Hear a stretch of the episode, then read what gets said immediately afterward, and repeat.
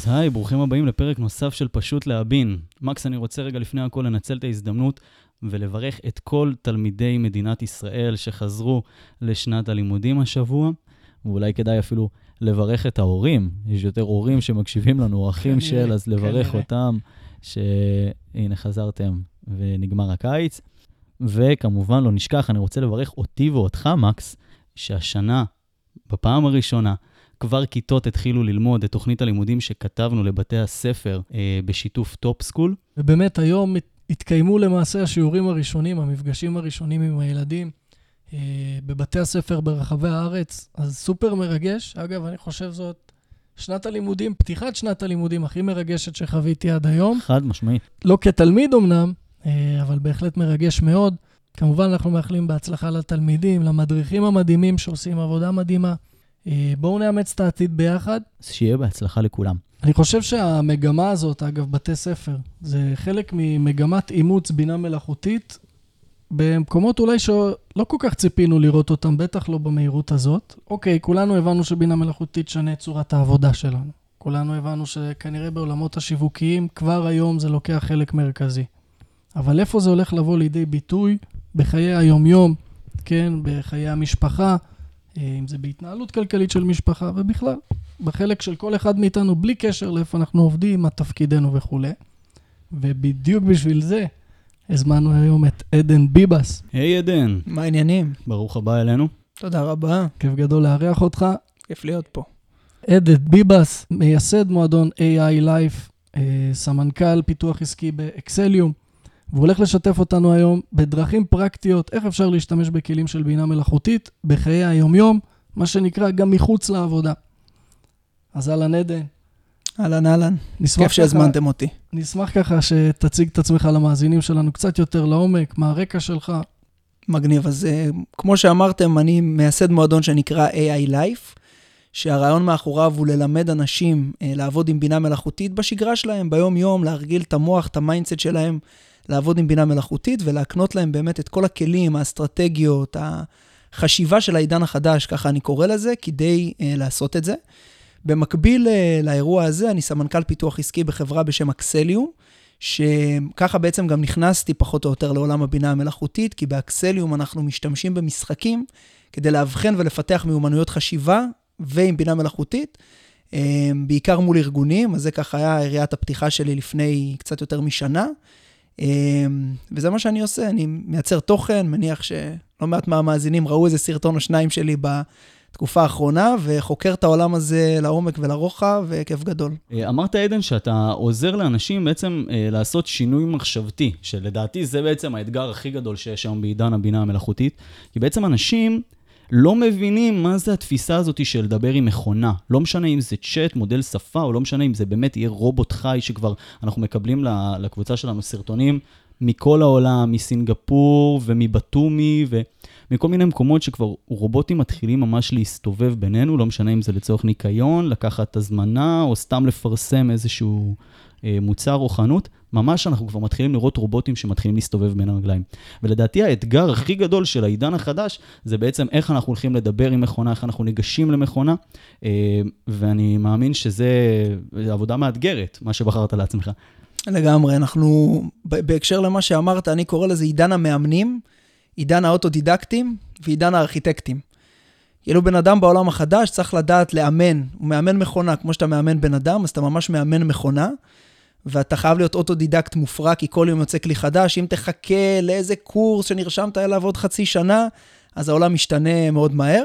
ובהקשר השלישי, שזה עידן הארכיטקטים, ככה אני רואה את זה לפחות, אז אם פעם היית צריך לחשוב בעצמך, בוא נלך רגע 100 שנה אחורה, היית רוצה ללמוד, לא יודע, היית רוצה לכתוב משהו, או לעשות משהו.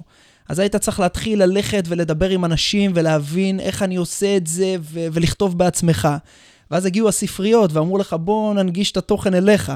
ואז הגיע האינטרנט, ועוד יותר טוב. ובעידן הבינה המלאכותית, אם פעם היינו צריכים לכתוב בעצמנו, ולחקור בעצמנו, וללמוד, ולייצר את זה, הרי שהיום, ככה אני רואה את זה, אנחנו צריכים יותר לחשוב על מה אנחנו רוצים לעשות. אני רוצה לייצר סרטון, אני רוצה לכתוב ספר, אני רוצה um, לעשות פוסט לרשתות החברתיות לראש השנה, לחפש את הכלים שיכולים לעשות את זה עבורי או לעזור לי לעשות את זה, ואז להשתמש בככה קורטוב של חשיבה ביקורתית, או קצת יותר מזה, אה, בשביל לראות את התוצר שיצא לי ופשוט לדייק ולהתאים אותו. אז זה באמת דורש חשיבה שונה לגמרי, אחרת ממה שהתרגלנו. קשה מאוד לעשות את השיפט הזה, כי אחת המיומנויות הכי חשובות בעולם החדש, להשתנות ולהגמיש את החשיבה שלנו כל הזמן. אדפטיביות, לגמרי. הייתי אומר, זה חלק מהאבולוציה. לגמרי. אה, היכולת שלנו, בני אדם, להתאים את עצמנו, ופה זה נדרש, מה שנקרא, ביתר שאת, בטח שטכנולוגיה מתפתחת כל כך מהר.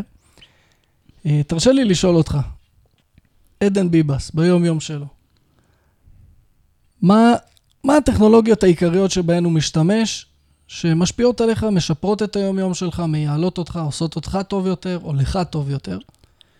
אז קודם כל זה מתחיל מזה שאני קם בבוקר, יש לי מברשת שיניים שמצחצחת עבורי שיניים. לבד, יודעת בדיוק איך אני צריך לצחצח. סתם. למרות שזה לא כזה, נכון? לרגע האמנתם לאירוע, הזה, לא כזה מופרך בעולם כן. שלנו. אמ, אז קודם כל, אני, אני חושב שכמו רוב מי שמשתמש בבינה מלאכותית, אז ChatGPT מככב אצלי בענק.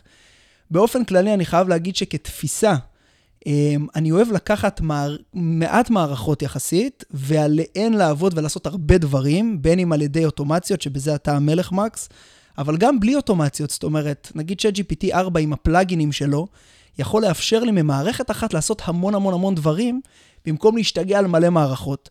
אז ChatGPT הוא כוכב אצלי, קלוד הוא כוכב אצלי, אה, שמי שלא מכיר במקרה, קלוד הוא בעצם גרסה שמאוד דומה ל-ChatGPT, רק הוא אומן בעברית, אפשר לעלות אליו קבצי PDF, אפשר לעלות אליו הרבה יותר תוכן. אה, אני משתמש במיד ג'רני כמעט תמיד ליצירה של הסרטונים שלי, של דפי הנחיתה, לסטורי, לפוסטים וכולי. אה, ובעוד מערכות כמו פיקלבס, שהופכת לי תמונות לסרטונים, לכל מיני דברים. מחולל חופשות בשם רומווי, אם אני לא טועה, שזה אנחנו עכשיו מתכננים איזה ירח דבש לתאילנד, אז הוא מככב שם. ובגדול מאוד משתנה לפי, ה, לפי הצרכים, אבל הבינה המלאכותית היא באמת נוכחת. היא נוכחת ביומיום, כשאני רוצה למשל למצוא רעיונות למתנה, אז אני יכול להגיד, סתם, אבא של אשתי חגג יום הולדת לפני חצי שנה, מקווה שהוא לא יראה את הפרק הזה או ישמע אותו. ואמרתי, רגע, מה אני קונה לו? אני רוצה משהו יצירתי, מגניב. אמרתי, טוב, נלך לצ'אט GPT. סיפרתי לו, תקשיב, הוא בן אדם, איש אשכולות, יש לו ידע, האמת, מדהים, הוא כמו צ'אט GPT אנושי, והוא מאוד אוהב לקרוא ולהחכים, והוא אוהב לטייל, והוא אוהב זה, תן לי רעיונות. ממש עשיתי איזה פרומפט כזה. ואחד הרעיונות שהוא נתן לי, האמת הראשונים, היה, תעשה לו מנוי למגזין שווה. אמרתי, איזה מגזין שווה אני מכיר? אפוק, לא יודע אם אתם מכירים, הייתי מנוי אליו תקופה, ועשיתי לו מנוי, וזאת הייתה מתנה מדהימה שבאמת לקחה לי, לא יודע, כמה דקות. אז סתם כאילו אני שנייה מגרה את המחשבה לפני מה שאנחנו עוד נכנסים אליו, ל... בואנה, רעיונות למתנה, רעיונות לברכה, לפחות איזה בסיס. אמ, זה דברים שאנחנו יכולים לעשות עם בינה מלאכותית, והם לכאורה פשוטים ולא תמיד חושבים עליהם. אז אה, זה, זה קורה באופן די קבוע. זה גם לגמרי תוקף את המכשול שבדרך כלל יש לבן אדם. אני, אגב, אני בן אדם שמאוד קשה לו לקנות מתנות, אני חייב לציין. אה, וזה באמת משהו שהוא משנה לי לגמרי את היכולת ללכת לקנות מתנה. אני לא יודע להגיע לרעיון לבד למתנות, זה קשה לי, ספציפית זה. ממש. אני רוצה שתשתף איתנו שלושת הכלים הכי יעילים שאתה משתמש בהם, אבל באמת, מה שנקרא, שאתה משתמש בדברים האלה לצרכים יומיומיים, שהם לאו, לאו דווקא אה, עיסוק, עבודה, נגיד ציינת סרטונים וזה, אני רואה את זה כחלק מהיותך אושייה בתחום ו- ודמות משפיעה, אבל באמת אם נרד ל... פשוט לא יום-יום, להתנהלות שלנו בבית, בני משפחה, חברים. אז בזמן האחרון, דיברנו על זה קצת קודם, אבל קלוד הוא די כוכב אצלי, מהסיבה הפשוטה שהעברית שלו היא ברמה מאוד מאוד גבוהה. אמ, ואני מוצא את עצמי הרבה פעמים פשוט מתייעץ איתו על דברים. זאת אומרת, מכניס לתוכו מידע על דברים שקרו, על דברים שאני רוצה לעשות. הרבה מזה זה גם מקצועי, אבל כן, יש דברים אישיים, סטייל הרעיונות למתנה שנתתי, או רעיונות לחופשה, אמ, ואני מתייעץ המון המון עם קלוד, אז יש לי ממש שימוש יומיומי בו. כנ"ל מג'רני, בגלל שאני מייצר תוכן, אמ, גם בלינקדאין וגם בפייסבוק, וכל אחד דורש איזו תמונה אחרת או משהו כזה, אז אני משתמש הרבה ב Midjourney. שיתפתי קצת בשיחה המקדימה שלנו, שהתחלתי להשתמש גם ב Midjourney בשביל יצירתיות טבעית שלי. למשל, זוג חברים שלי עברו עכשיו לדירה חדשה, ורציתי להפתיע אותם במתנה לדירה. אני חזק במתנות היום. אמ, רציתי להפתיע אותם במתנה, ואמרתי, איך אני נותן משהו קצת אה, ייחודי? אז פה לא התייעצתי עם ChatGPT, הרעיון הזה עלה לי לבד, אמרתי, אני אעשה להם תמונה ב Midjourney, שנכון, לפעמים אומרים, Midjourney זה רק עסקי, זה רק לפוסטים, אבל אתה יכול לקחת את התמונה הזו, אה, ויצאה תמונה מהממת, לשים אותה ב upscaler, שזה גם כלי מבוסס AI שהוא בעצם אה, אה, מגביר את איכות התמונה, ולהדפיס אותה באיכות מאוד מאוד מאוד גבוהה, כמו אומנות דיגיטלית שנראית, בוא נגיד, הייתה חלום עד לפני, לא יודע מה, שנה לעשות אותה לבד. ו- ולתלות אותה בבית. אז אני עכשיו עובד גם על תמונה לבית שלנו ולחדר שינה, ככה עם עמית ג'רני. עם הקלוד אני מדבר המון, ושוב, נגענו מזה קודם, אבל ChatGPT בעיניי, אני מנוי בגרסה בתשלום, ChatGPT 4. אמ, זה המלך הבלתי מעורער. עם הפלאגינים שלו, אז יש לי פלאגין. עכשיו, כשאני אומר ChatGPT 4, עם הפלאגינים הוא למעשה יוצא מגבולות ה-ChatGPT. אז יש לי שם פלאגין שעוזר לי לנתח קבצי PDF. כל היום מגיעים אליי קבצי PDF בעבודה, אני מנתח קבצי PDF עם הפלאגין שנקרא Chat PDF. יש לי uh, פלאגין בשם Web Pilot, שהוא יודע לקחת לינקים וללמוד. אז אם אני רוצה לכתוב דף נחיתה וראיתי דף נחיתה יפה, אני אומר לו, קח תלמד רגע את המבנה של הדף הזה. או אם ראיתי איזה חופשה טובה, אז בוא תלמד מהחופשה ותייצר לי אחת כזאת גם. Uh, ויש עוד כל מיני פלאגינים כמו קייק שמוצא לי מלונות, ועוד אחד ששכחתי את שמו שעוזר למצוא טיסות זולות. ו... ובעצם השילוב הזה, ה ecosystem הזה, שהוא יחסית בסיסי, כן? אתה אומר, ChatGPT, קלוד, מידג'רני, זה השמות שכולנו מכירים, אבל אני באמת חושב שברמה היומיומית לא צריך המון כלים. ו- ואני אשמח להגיד עוד מסר למאזינים שלנו, ששומעים כל יום על כלי חדש, ואני מודה, גם אני יוצר תוכן, ו- ואתה אומר, הכלי הזה יצא, והוא עושה ככה, והוא עושה ככה, והוא עושה ככה, והם מרגישים איזה overwhelming כזה, זה הצפה כזאת של, וואו, כמה כלים, אני לא יודע במה להתחיל. חבר'ה, תתחילו בכלי אחד, תתחילו בקלוד, תתחילו ב-chat GPT, תתחילו בכלי אחד שיש לו יכולת לעשות עבורכם הרבה דברים בהתאם למשימות היומיומיות שלכם. תפתחו את המיומנות, תראו שזה ממכר, תתרחבו לעוד כלים. אמ, אז כן, זה פחות או יותר מה שקורה היום. צריך רק לחדד באמת ולהגיד למאזינים שרצים עכשיו לחפש את קלוד באינטרנט, קלוד לא זמין עדיין בישראל בשביל כן להשתמש בו, ובעברית המשובחת שלו אנחנו נצטרך לעקוף אותו דרך איזה VPN כזה או אחר. נכון, נכון ואני אוסיף שבגרסה האחרונה הוא גם דורש מספר אמריקאי. אימות ב-SMS. כן, אז יש אה, משהו שנקרא Juicy SMS, שאתה יכול לקבל מיילים פשוט אונליין. אה, אז יש דרך, אני בדיוק רוצה להכין מדריך בנושא. אז...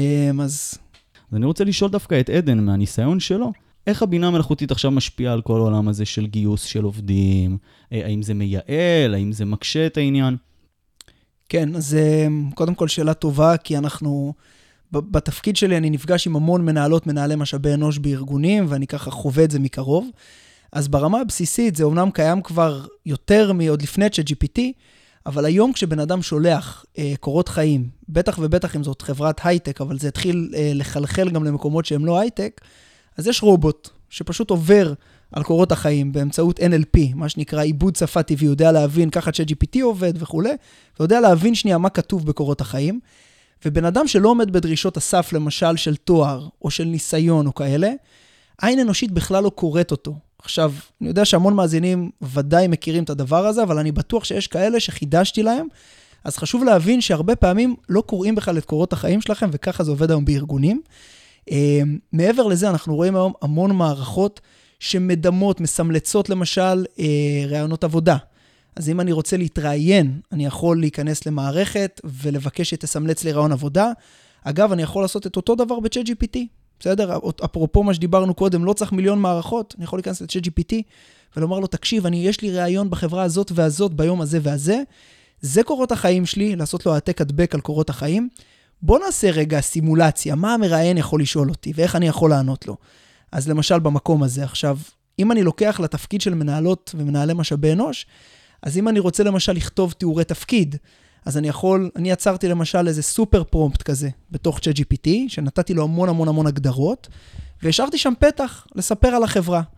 ושיתפתי אותו עם מנהלות משאבי אנוש, ואמרתי להם, תקשיבו, כל מה שאתן צריכות לעשות, זה לשנות את, הש... את, את מה החברה שלכם עושה, אוקיי? כאילו, מה הערכים, מה ה vision, מה ה mission, דברים מאוד כלליים שלכל חברה גדולה יש.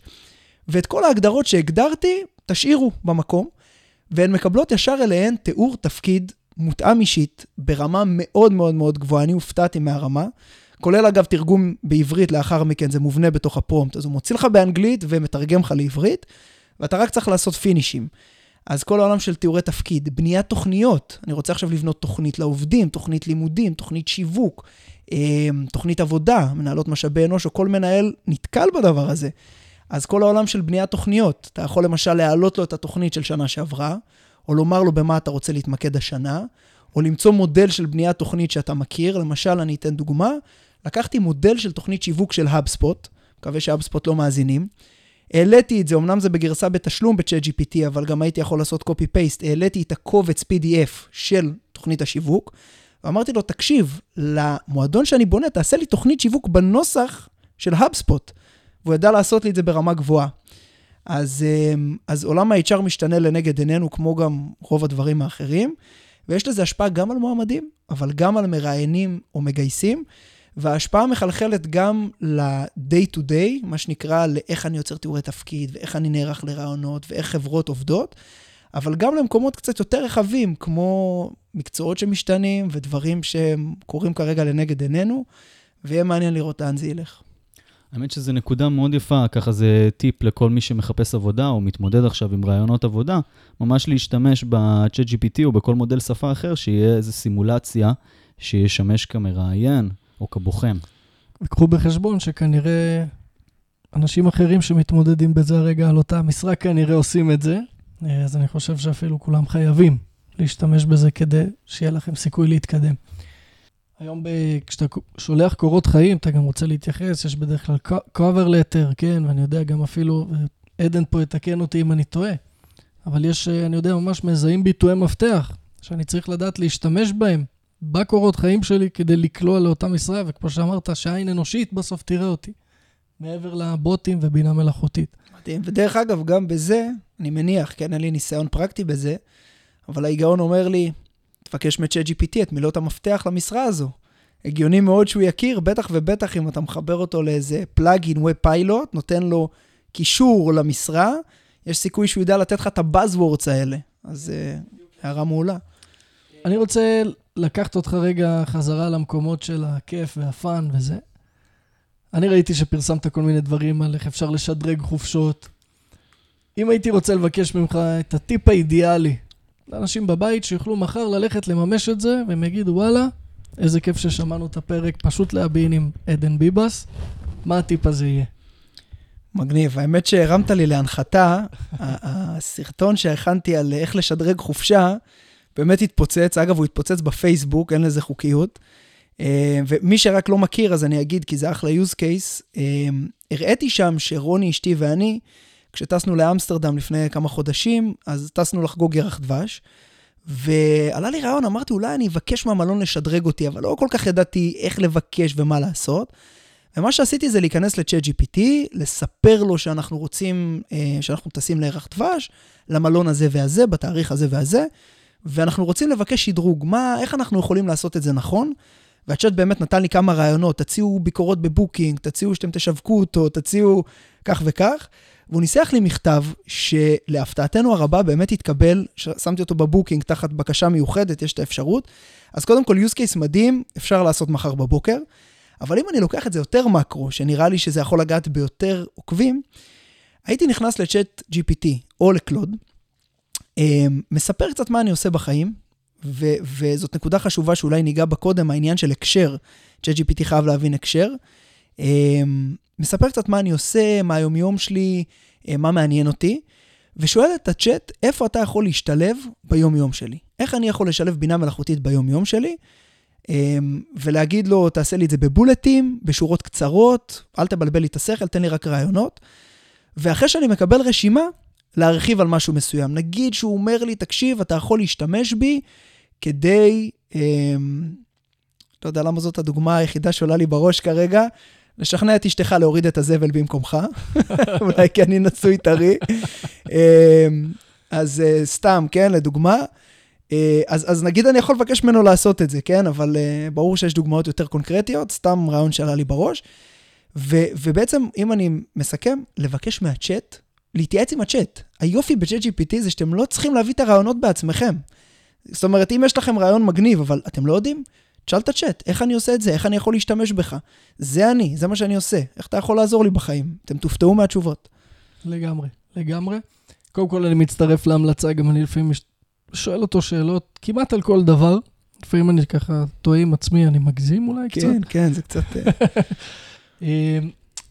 עכשיו אני רוצה לשאול אותך שאלה דווקא קצת אחרת, שקשורה לעבר שלך. בעבר היה לך מועדון כושר עם הרבה מאוד מתאמנים ומאמנים, וככה, יש לך זיקה לעולם הזה של הכושר.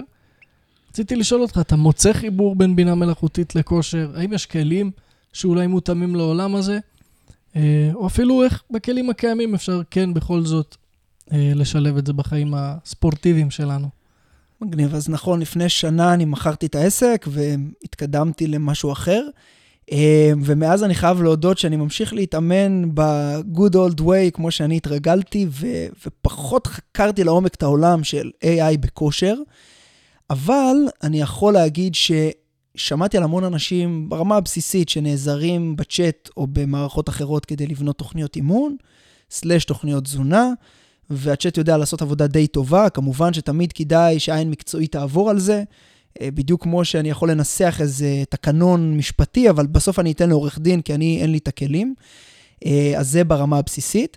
ומעניין להסתכל על חברות, כמו למשל מירור, למי שמכיר, שהיא חברה שבעצם פיתחה מראה מיוחדת כזאת, היא מאמן שעומד מולך, ומראה לך בדיוק, מדריך אותך מה לעשות. תחשבו שיש לכם מראה בבית, היא מאמן או מאמנת, אתם בוחרים גם מי, והיא מראה לך מה לעשות. אני לא בדקתי את זה לפני הפרק, אבל אני בטוח שאם נבדוק על מערכות כמו Mirror, או כמו החברה הזו שברח לי שמה שעושה את האופניים אה, Peloton, אם אתם מכירים, אה, היא עושה ספינינג, אה, חברה ששווה, לפחות אז, הושק... או יצאה לבורסה ב-8 מיליארד דולר. היא שולחת לך אופני ספינינג הביתה, ומחברת אותך למערכת עם שיעורים ב live. אני בטוח שאם נסתכל פנימה, החברות האלה כבר הטמיעו AI בצורה כזו או אחרת. אבל אם יורשה לי, אני אקח את השאלה לכיוון אחר. ואני חושב שאם לפני שנתיים, שלוש, לפני צ'אט GPT, ראינו חברות שהתלהבו, הכניסו איזה feature, צ'אט אוטומטי שמדבר איתך ועוזר לך לאיזה שאלה. והיום אנחנו בעידן שהרבה חברות עושות אינטגרציה מלאה לצ'אט GPT, ופתאום נותנות מענה שממש מרגיש אנושי, או אנשים שממש מדברים איתך, וכאילו אינטגרציה. אני חושב שה next phase, הפאזה הבאה של הדבר הזה, יהיה הרבה חברות שירצו לבנות נכס לעצמם ולבנות, לעשות פיינטיון למודל, מה שנקרא, לאמן מודל משל עצמן, ויש שם, אפשר לעשות את זה נגיד ב-chat GPT, כדי שהפתרון שלהם יהיה פרסונלי אליהם. כי ברגע שכולם עושים API ל-chat GPT, API, אני רק אגיד למי שבמקרה לא מכיר, זה חיבור למוח של chat GPT באתר שלכם או בוואטסאפ שלכם, אז זה כבר נהיה רגיל, ואני חושב שזה יסחוב מים בחודשיים שלושה הקרובים. אבל אנחנו נראה יותר ויותר חברות, ולשאלתך, אנחנו, אני בטוח שנראה את זה גם בכושר, שיפתחו מאמנים וירטואליים, אבל, אבל מדויקים, על סמך הדאטה שיש להם. נגיד, לפלוטון יש המון דאטה. אם, האיש, אם, אם, אם אה, מגדר מסוים, אישה או גבר, בגיל מסוים, כמה הם מתאמנים בשבוע, באיזו מהירות, באיזו עצימות, בני כמה הם, מה הם, כל מיני דברים כאלה, הם ייקחו את הדאטה שיש להם, מירור תיקח את הדאטה שיש להם, תשתיל את זה על מודל כמו ChatGPT או כל מודל אחר שמאפשר לעשות פיינטיון, והם ייצרו מודל משל עצמם עם מאמנים מותאמים אישית שמותאמים על בסיס הדאטה שלהם, עם תוכניות תזונה שאולי הן מותאמות בצורה כזו או אחרת, ולדעתי לשם זה ילך. אה, מעניין יהיה לראות עוד אה, כמה חודשים אם צדקתי או לא. יש מצב שאני גם בעבר וזה כבר קורה היום, אז... אה, ומה יהיה עם כל המאמנים? זאת השאלה. המאמ... ואז המאמנים יגידו, יצאו להפגנה. המאמנים... הולכים להחליף, הבינה המלאכותית מחליפה מאמני כושר. המאמנים יאמנו את המאמנים. ואנחנו נגיד למאמנים שאתם צריכים לכתוב הנחיות לבינה איך, ל... איך לכתוב תרגילי כושר. לאמן את המאמנים, מה שקרה. זאת שאלה מעניינת. יש פרסומת של לייניקן, אגב, שצוחקים על כל הסיפור הזה שהכל בינה מלאכותית, הכל בינה מלאכותית. אז הרובוט, הוא מסיים את העבודה ראשון, והוא עושה הכל, והוא מקום ראשון בעבודה. קיצר, מוצלח כזה. ואז בסוף עובד, עובר ליד בר, רואה אנשים שותים אייניקן, והוא לא יכול. וזה כל ההבדל. פרסומת גדולה. נשמע. גם בדיוק על הבול בפוני מבחינת ההייפ וה... והנושא. יש לי מעון ליד הבית, יש להם שעה קבועה ביום, שזה בוכה, אני כבר מזהה אותם לפי הבכי. אגב, אולי אפשר להשתמש בבינה מלאכותית בשביל, בשביל להשתיק אותם, או בשביל... אגב, אתם יודעים שזה מעניין, בינה מלאכותית שתשמור על ילדים, זה, זה יגיע לשם, כאילו, אנחנו מבינים את זה, כן? היא תשמור על ילדים, טכנולוגיית ניטור כבר קיימת. נכון. מצלמות כבר קיימות. מה שנשאר הוא לייצר, אה, לא יודע, מחסומים פיזיים. אז באמת רובוט שיוכל רגע, הופ, שם יד, נגמר הסיפור. וואי, טרלול, זה בכל בית. זה הנני החדש. מה זה שם יד? עכשיו יש לך רובוט מטייל בבית, מבוסס בינה מלאכותית, קורא את הסכנות, רואה את הילד שלוש מטר מהמדרגות, הוא כבר יודע לעשות את החשבון. כן? הופ. או סתם להכין לאוכל, לשבת איתו, לשחק איתו. מראה שחורה אני מניח שראינו. וואו. לא? כן, כן. ברור שכן. ברור אז יש את. הפרק עם הרובוט, שהיא... אתם מכירים? הרובוט, אה, המיני רובוט הזה? אין מדע בדיוני יותר. מדע בדיוני נהיה ריאליטי. זה, זה, זה ריאליטי. זה מדע. מראה אני שחורה. מצטער, מדע בדיוני הוא מדע, חשיפה למדע העתיד. ככה אני רואה את זה. כל מה שראינו וחשבנו שהוא מטורלל לחלוטין ולא הגיוני וזה, אפרופו, זה כבר כאן. אפרופו קראתי עכשיו, באותו אפוק שקניתי לאבא של אשתי, כי כשאני בא בשבתות, הם ירושלמים ואני ישן שם, אז אני קורא את האפוק הזה, בכלל יצא לי מתנה טובה, תוריד בר... קנית לעצמך. תוריד בר... לא נעים להגיד, לפעמים אני גם לוקח את המגזין שהוא כבר קרא אליי, ויצא לי אחלה מתנה שקניתי לעצמי. יצאתי גם שנון, גם מצחיק, הכל בזכות צ'אט GPT, תראו מה זה. אה. סתם יואב, אני צוחק. אז קראתי שם שב-2024 הולכת להיות אולימפיאדה בפריז, והולך להיות מכוניות מעופפות שיקחו אנשים ממקום למקום. עכשיו, זה לא בינה מלאכותית פר אקסלנס כמו שאנחנו מדברים, ואגב, זאת חברה ישראלית שמפתחת, אבל זה חלק מה ecosystem שאנחנו נחיה פה עוד עשר שנים. מכוניות מעופפות מפאתי העיר שמביאות אנשים נגיד מנתניה לכניסת תל אביב, ואז מכונית, אה, סליחה, מעופפות שלוקחות אותם, ומכונית אוטונומית שלוקחת אותו מהמקום שהוא עצר לעבודה, ותוך כדי מערכת שמדברת איתו, והכל יהיה co-pilots כאלה שיעזרו לנו לחיות. אמ, תשמע, אני, אני בעד בכלל אה, שבוא נלך לעבוד כולנו מהמטאוורס, לא נצטרך לצאת מהמיטה. ומטאוורס בכלל, נחיה בעולם וירטואלי כזה ש... אם אני לא טועה, העלית גם וידאו שקשור לסיכום, אה, לדעתי, קבוצות וואטסאפ. סיכום קבוצות וואטסאפ. אה, לסיכום ס- הקלטות. אה, רק הקלטות. הקלטות. אז זה מספר וואטסאפ, פיתחה אותו חברה ישראלית שאני מודה שלא מצאתי את המקורות שלה, ניסיתי לחפש, לא מצאתי, אבל אתה מעביר לשם הקלטה, אתה שומר את המספר, אני שמרתי אותו תחת ארוך מדי, לא שמעתי. אה, מושג חדש בישראל לאמלש, והעברתי, אתה מעביר את ההקלטה לשם עד שלוש דקות, והיא מייצרת תמלול של ההקלטה, עם סיכום של מה הבן אדם רצה לומר, ואם אין רעש רקע נוראי, היא עובדת לא רע בכלל. לא רע בכלל. בעברית גם? בעיקר בעברית. היא חברה ישראלית שפיתחה, ואני חושב שבאנגלית זה כמעט ולא עובד. כל, כל מי שהתנסה אמר לי באנגלית, אמר לי באנגלית זה לא עבד לי. לראשונה. לראשונה זה בעברית. לראשונה, קודם כל עברית. הסיכום זה מגניב, זאת אומרת, אם זאת לא איזו שיחה מאוד חשובה, אתה יכול לראות את הסיכום, להבין את הראש. אבא עכשיו, שנמצא בקבוצה, או אימא שנמצאים בקבוצה של הגן, והם רואים את המספר המפחיד 294, אז אפשר לקחת קופי פייסט לקלוד, כי אין לו, אין לו גם מגבלה. מסקנה, אבא, אתה צריך אה, פשטידת ברוקולי ליום שלישי הקרוב. בדיוק, שזה רעיון, זה, עוד, אה, זה לא קיים לדעתי. בינה מלאכותית שמגיבה מהר, היא מזהה שהגננת כותבת אה, שיש איזה אירוע ומי מביא מה, וישר מת... את- את- את הכי פשוט. אתה הכי פשוט, ישר, פשטידת ברוקולי הלכת רחוק. בקבוק מים וחיוך, זה מתחיל מזה ונגמר בסטייק אנטריקוט מבוצ'ריה ביפן שמביאים, ב... אין, אין, אחד מביא קריסטל מ- מבני ברק. השימושים והרעיונות שאנשים מביאים איתם לטכנולוגיה הזאת לא מפסיקים להדהים אותי, באמת. נכון. נכון, ו- ואני אגיד עוד משהו בהקשר הזה, שזה עולם שהמגבלה היחידה היא fucking דמיון. אשכרה. אין, זהו, אחי, הכלים קיימים, צ'אט GPT קיים, מה אתה עושה איתו? up to you. הדמיון זה ה limit היחיד. אני חושב שיש לנו שם לפרק. לנצח את הדמיון. טוב, אהבת? חזק או. מאוד. אני חושב שלמאזינים ש- שהאזינו כאן היום, יש היום הרבה דברים שהם יכולים כבר מחר לממש. כבר מחר הם יכולים לנסות להוזיל את החופשה הבאה שלהם, או כל דבר אחר. לסכם אולי את המנהלת או המורה אה, של הילדים בבית ספר, או אולי לסכם את האישה אה, והחברים בהודע- בהודעות קוליות, או כל דבר אחר. אה, ראינו איך זה בא לידי ביטוי בעולמות משאבי האנוש, ראינו איך למעשה זה בא לידי ביטוי בכל היבטי החיים, ומפה אנחנו צריכים לקחת את זה, כל אחד לראות איך הוא מכניס את זה כחלק מהחיים שלו. אני חושב שזה באמת בלתי נמנע. אז מה שנקרא, בנימה אופטימית זו, אנחנו נודה לעדן ביבס. עדן, תודה תודה רבה רבה רבה. פינה מזמנו היקר, תודה לכם, תודה לכם. אחים יקרים אתם. שמחנו מאוד. אה, תודה רבה על המילים המעניינות, על. טעם, דברי טעם. תודה רבה על דברי הטעם. ותודה רבה לכל המאזינים ולכל הפידבקים הטובים שאנחנו מקבלים. אין עליכם, תודה רבה.